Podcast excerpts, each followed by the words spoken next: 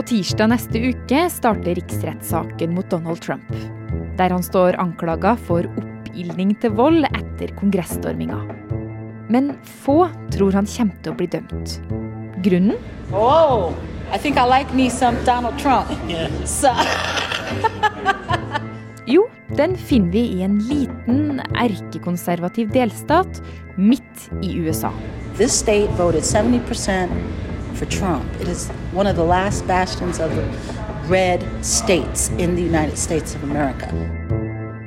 Du hører på Forklart fra Aftenposten, og er Marit Eriksdatter Gjelland. I dag er det fredag 5. februar. How's everybody doing tonight? Okay.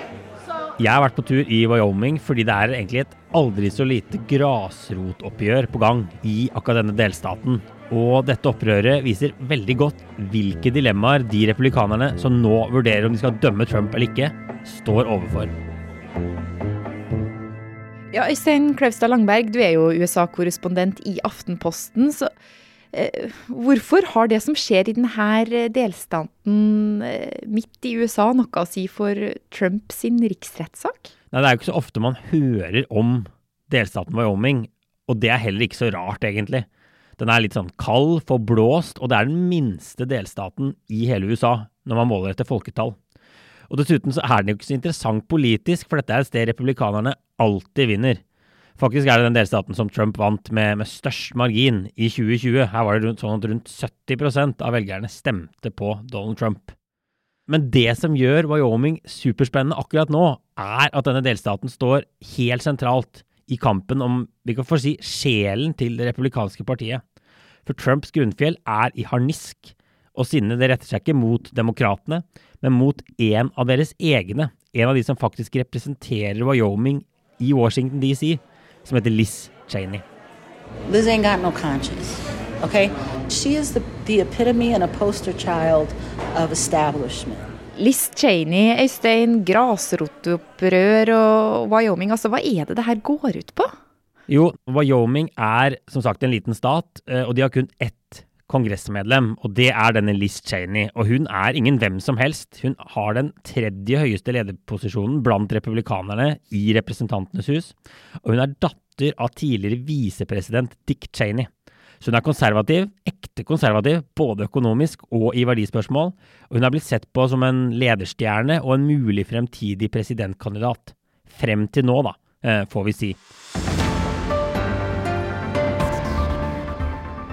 I will vote to impeach the president. Again, this is Liz Cheney. Now, the second Republican Congresswoman who will say that they will vote to impeach the president, another Republican representative. For Cheney hun var blant de ti republikanerne som stemte for å stille Trump for riksrett etter angrepet på Kongressen 6.1. Uh, og hun går heller ikke stille i dørene, for å si det forsiktig. Det er kanskje problemet hennes. Hun har sagt at USA aldri har opplevd et større svik fra en amerikansk president, hun sa hun måtte stemme i tråd med samvittigheten sin. Og det var da det ble bråk hjemme i Wyoming. Uh, mange er aldeles rasende på det Cheney sa og gjorde, og at hun slapp ny den nyheten da i mediene først, uten å konferere med noen hjemme, sånn som de ser det. Og ord som forræderi og svik, og riksrett til og med, sitter løst. Og da handler det altså om riksrett mot Cheney, og ikke mot Trump. Uh, og en av dem jeg møtte da jeg var i Wyoming, var kaféeier uh, Freddy Flores. Og hun føler seg rett og slett bare ført bak lyset, sier hun. She betrayed the people who voted to put her where she is at, the people of Wyoming. That is the greater trust that she betrayed. Yeah. Because she is not being a representative of Wyoming yeah. in her actions. Så alt i alt, da, Øystein, så er det sånn at uh, de her Trump-supporterne som du har uh, hengt med i Wyoming, de mener liksom for det første at Trump ikke burde ha blitt stilt for riksrett. Og så uh, dessuten så vil de at republikanere som går mot Trump, altså som Liz Cheney, da, skal miste jobben, da, eller? Ja, det de sier er at de har nettopp stemt på Trump med stor margin, og de har stemt på Liz Cheney for at hun skal representere dem i, i, uh, i Washington DC. Hun skal ikke stemme ut fra sin egen samvittighet, hun skal representere folket i Wyoming. Men Wyoming er en veldig konservativ stat. Alle jeg møter har våpen, det er nesten ingen som bruker munnbind f.eks. Så, så de holder disse konservative fanesakene veldig høyt. Men det er sånn at alle de ti republikanerne som stemte med demokratene, er i en lignende situasjon som Cheney. Også de som bor i mindre konservative stater. Noen sier de opplever drapstrusler fra altså da sine egne velgere. Um, og alle opplever at andre republikanere sier de vil utfordre dem før neste valg, altså i 2022. Så alle risikerer å miste plassene sine. Men du, hvis det blir så mye motstand, hvorfor tok da Liz Cheney og de andre republikanerne sjansen på å stemme mot Trump? Nei, Jeg tror nok disse ti medlemmene som stemte med demokratene, visste at grunnfjellet ville bli sinte. Men noen trodde nok at det ville være starten på et større oppgjør innad i det republikanske partiet. Et oppgjør med Donald Trump og Trump-fløyen. Men så er det etter hvert lite som tyder på at det kommer et slikt oppgjør. Så Trump er ingen populær mann lenger i det amerikanske folk. Eh, flertallet av amerikanere gir han skylda for kongressangrepet. Mange vil ikke at han skal stille igjen i 2024. Men han er fortsatt en veldig populær mann blant republikanske velgere, også etter kongressangrepet. Og det gjør at han fortsatt har en voldsom makt og innflytelse i partiet. Og akkurat det kommer til å spille en stor rolle nå som riksrettssaken skal opp i Senatet.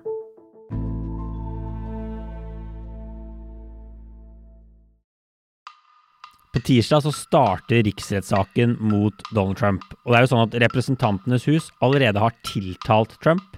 Det kunne de gjøre med et simpelt flertall, og det var altså her disse ti republikanerne stemte med demokratene.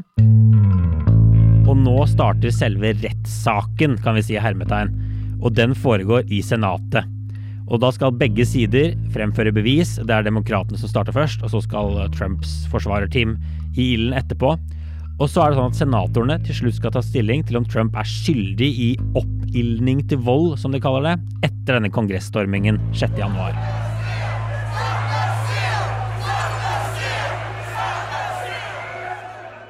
Og når Trump nå må møte i Senatet og forsvare seg på tirsdag, så er det fordi flertallet av de folkevalgte i Representantenes hus mener han har misbrukt den politiske makta si i tida før kongressstorminga. Men hva har det her med grasrotoppgjøret i Wyoming å gjøre? Jo, det er nemlig sånn at for at Trump skal bli dømt, så må to tredeler av Senatet stemme for det.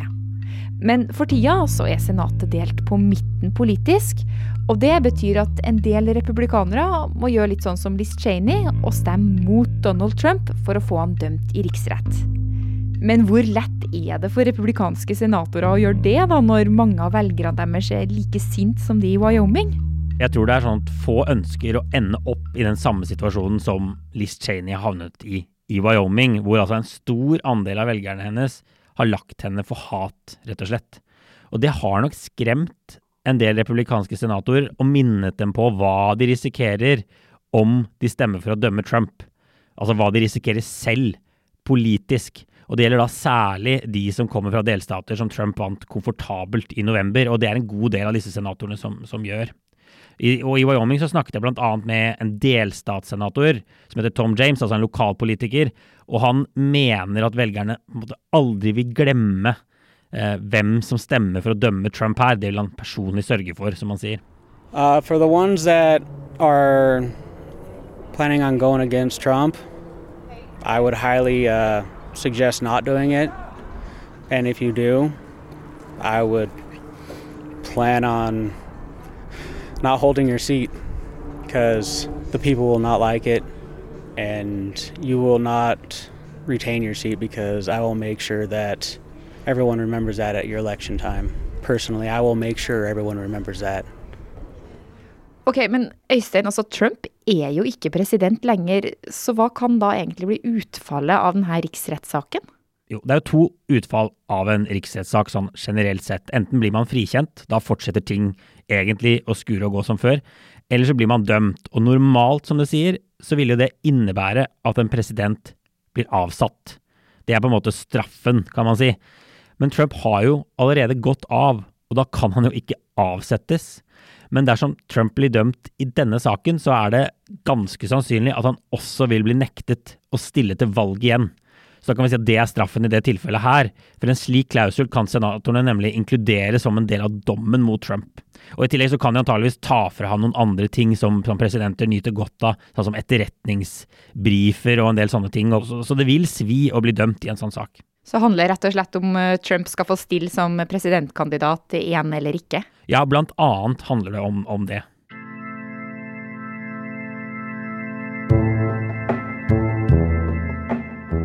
Med andre ord så er det mye som står på spill.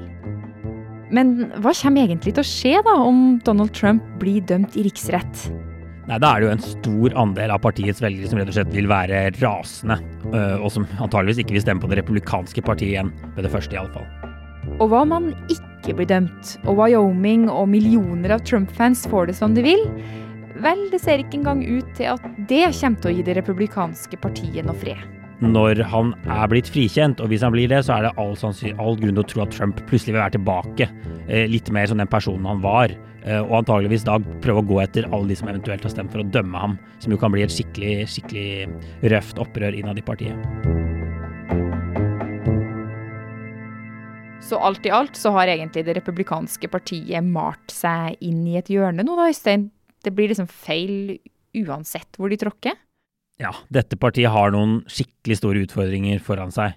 Og så tror jeg, når man snakker om utfordringer, at det er viktig å huske på at Trump-epoken ikke har vært noen ubetinget suksess for republikanerne. De vant riktignok tilbake i 2016, presidentvalget, men nå har de tapt både Senatet, Representantenes hus og Det hvite hus siden da. Og normalt så ville jo en sånn nedtur ført til en runde med, med skikkelig grundig sjelegranskning og kanskje en kursendring etterpå. Men det ser det ikke ut til at det blir nå. Fordi det, det, som er helt sikkert, er at Donald Trump har et kjempegodt grep om dette partiet og om republikanske velgere. Og det er det ingen andre i partiet som kan matche på en måte den makten Trump har. Grunnfjellet ser fortsatt på Donald Trump og den kursen han la for partiet, som en vinnerkurs. Og dette er jo til tross for at partiet står ribbet igjen, og at Trump tapte valget med syv millioner stemmer. Og på tirsdag så starter riksretten mot Trump. Hva tror du kommer til å skje da, Øystein? Nei, Hvis du hadde spurt meg for noen uker siden, så ville jeg sagt at det ikke var helt usannsynlig at Trump faktisk ville bli dømt. Og i så fall da som den første presidenten i historien. For for noen uker siden så virkes det som deler av det republikanske partiet i Washington DC i alle fall var interessert i å ta et slags endelig oppgjør med Trump. Og noen lar seg fortsatt helt klart friste av denne muligheten til å nekte Trump å stille igjen i 2024. Men så har vinden etter hvert gått litt ut av seilene til den gjengen som vil ha Trump dømt, og nå ser det veldig lite sannsynlig ut at det vil bli flertall for det. Og det skyldes jo bl.a. at den listen for å dømme noen er så høy. De trenger å få med seg 17 republikanere hvis alle demokratene stemmer for å dømme Trump. Men ingenting er avgjort ennå, så det blir spennende å følge denne saken. Men det ser altså ut til, sånn som ting er nå, til at Trump vil ha muligheten til å stille til valghjelm om fire år. Hvis han vil. Eh, og både i Wyoming og ellers i landet så er det en god del republikanere som drømmer om at det skal skje. Der er Trump fortsatt en helt, og alle som vender seg mot ham, er fiender av partiet.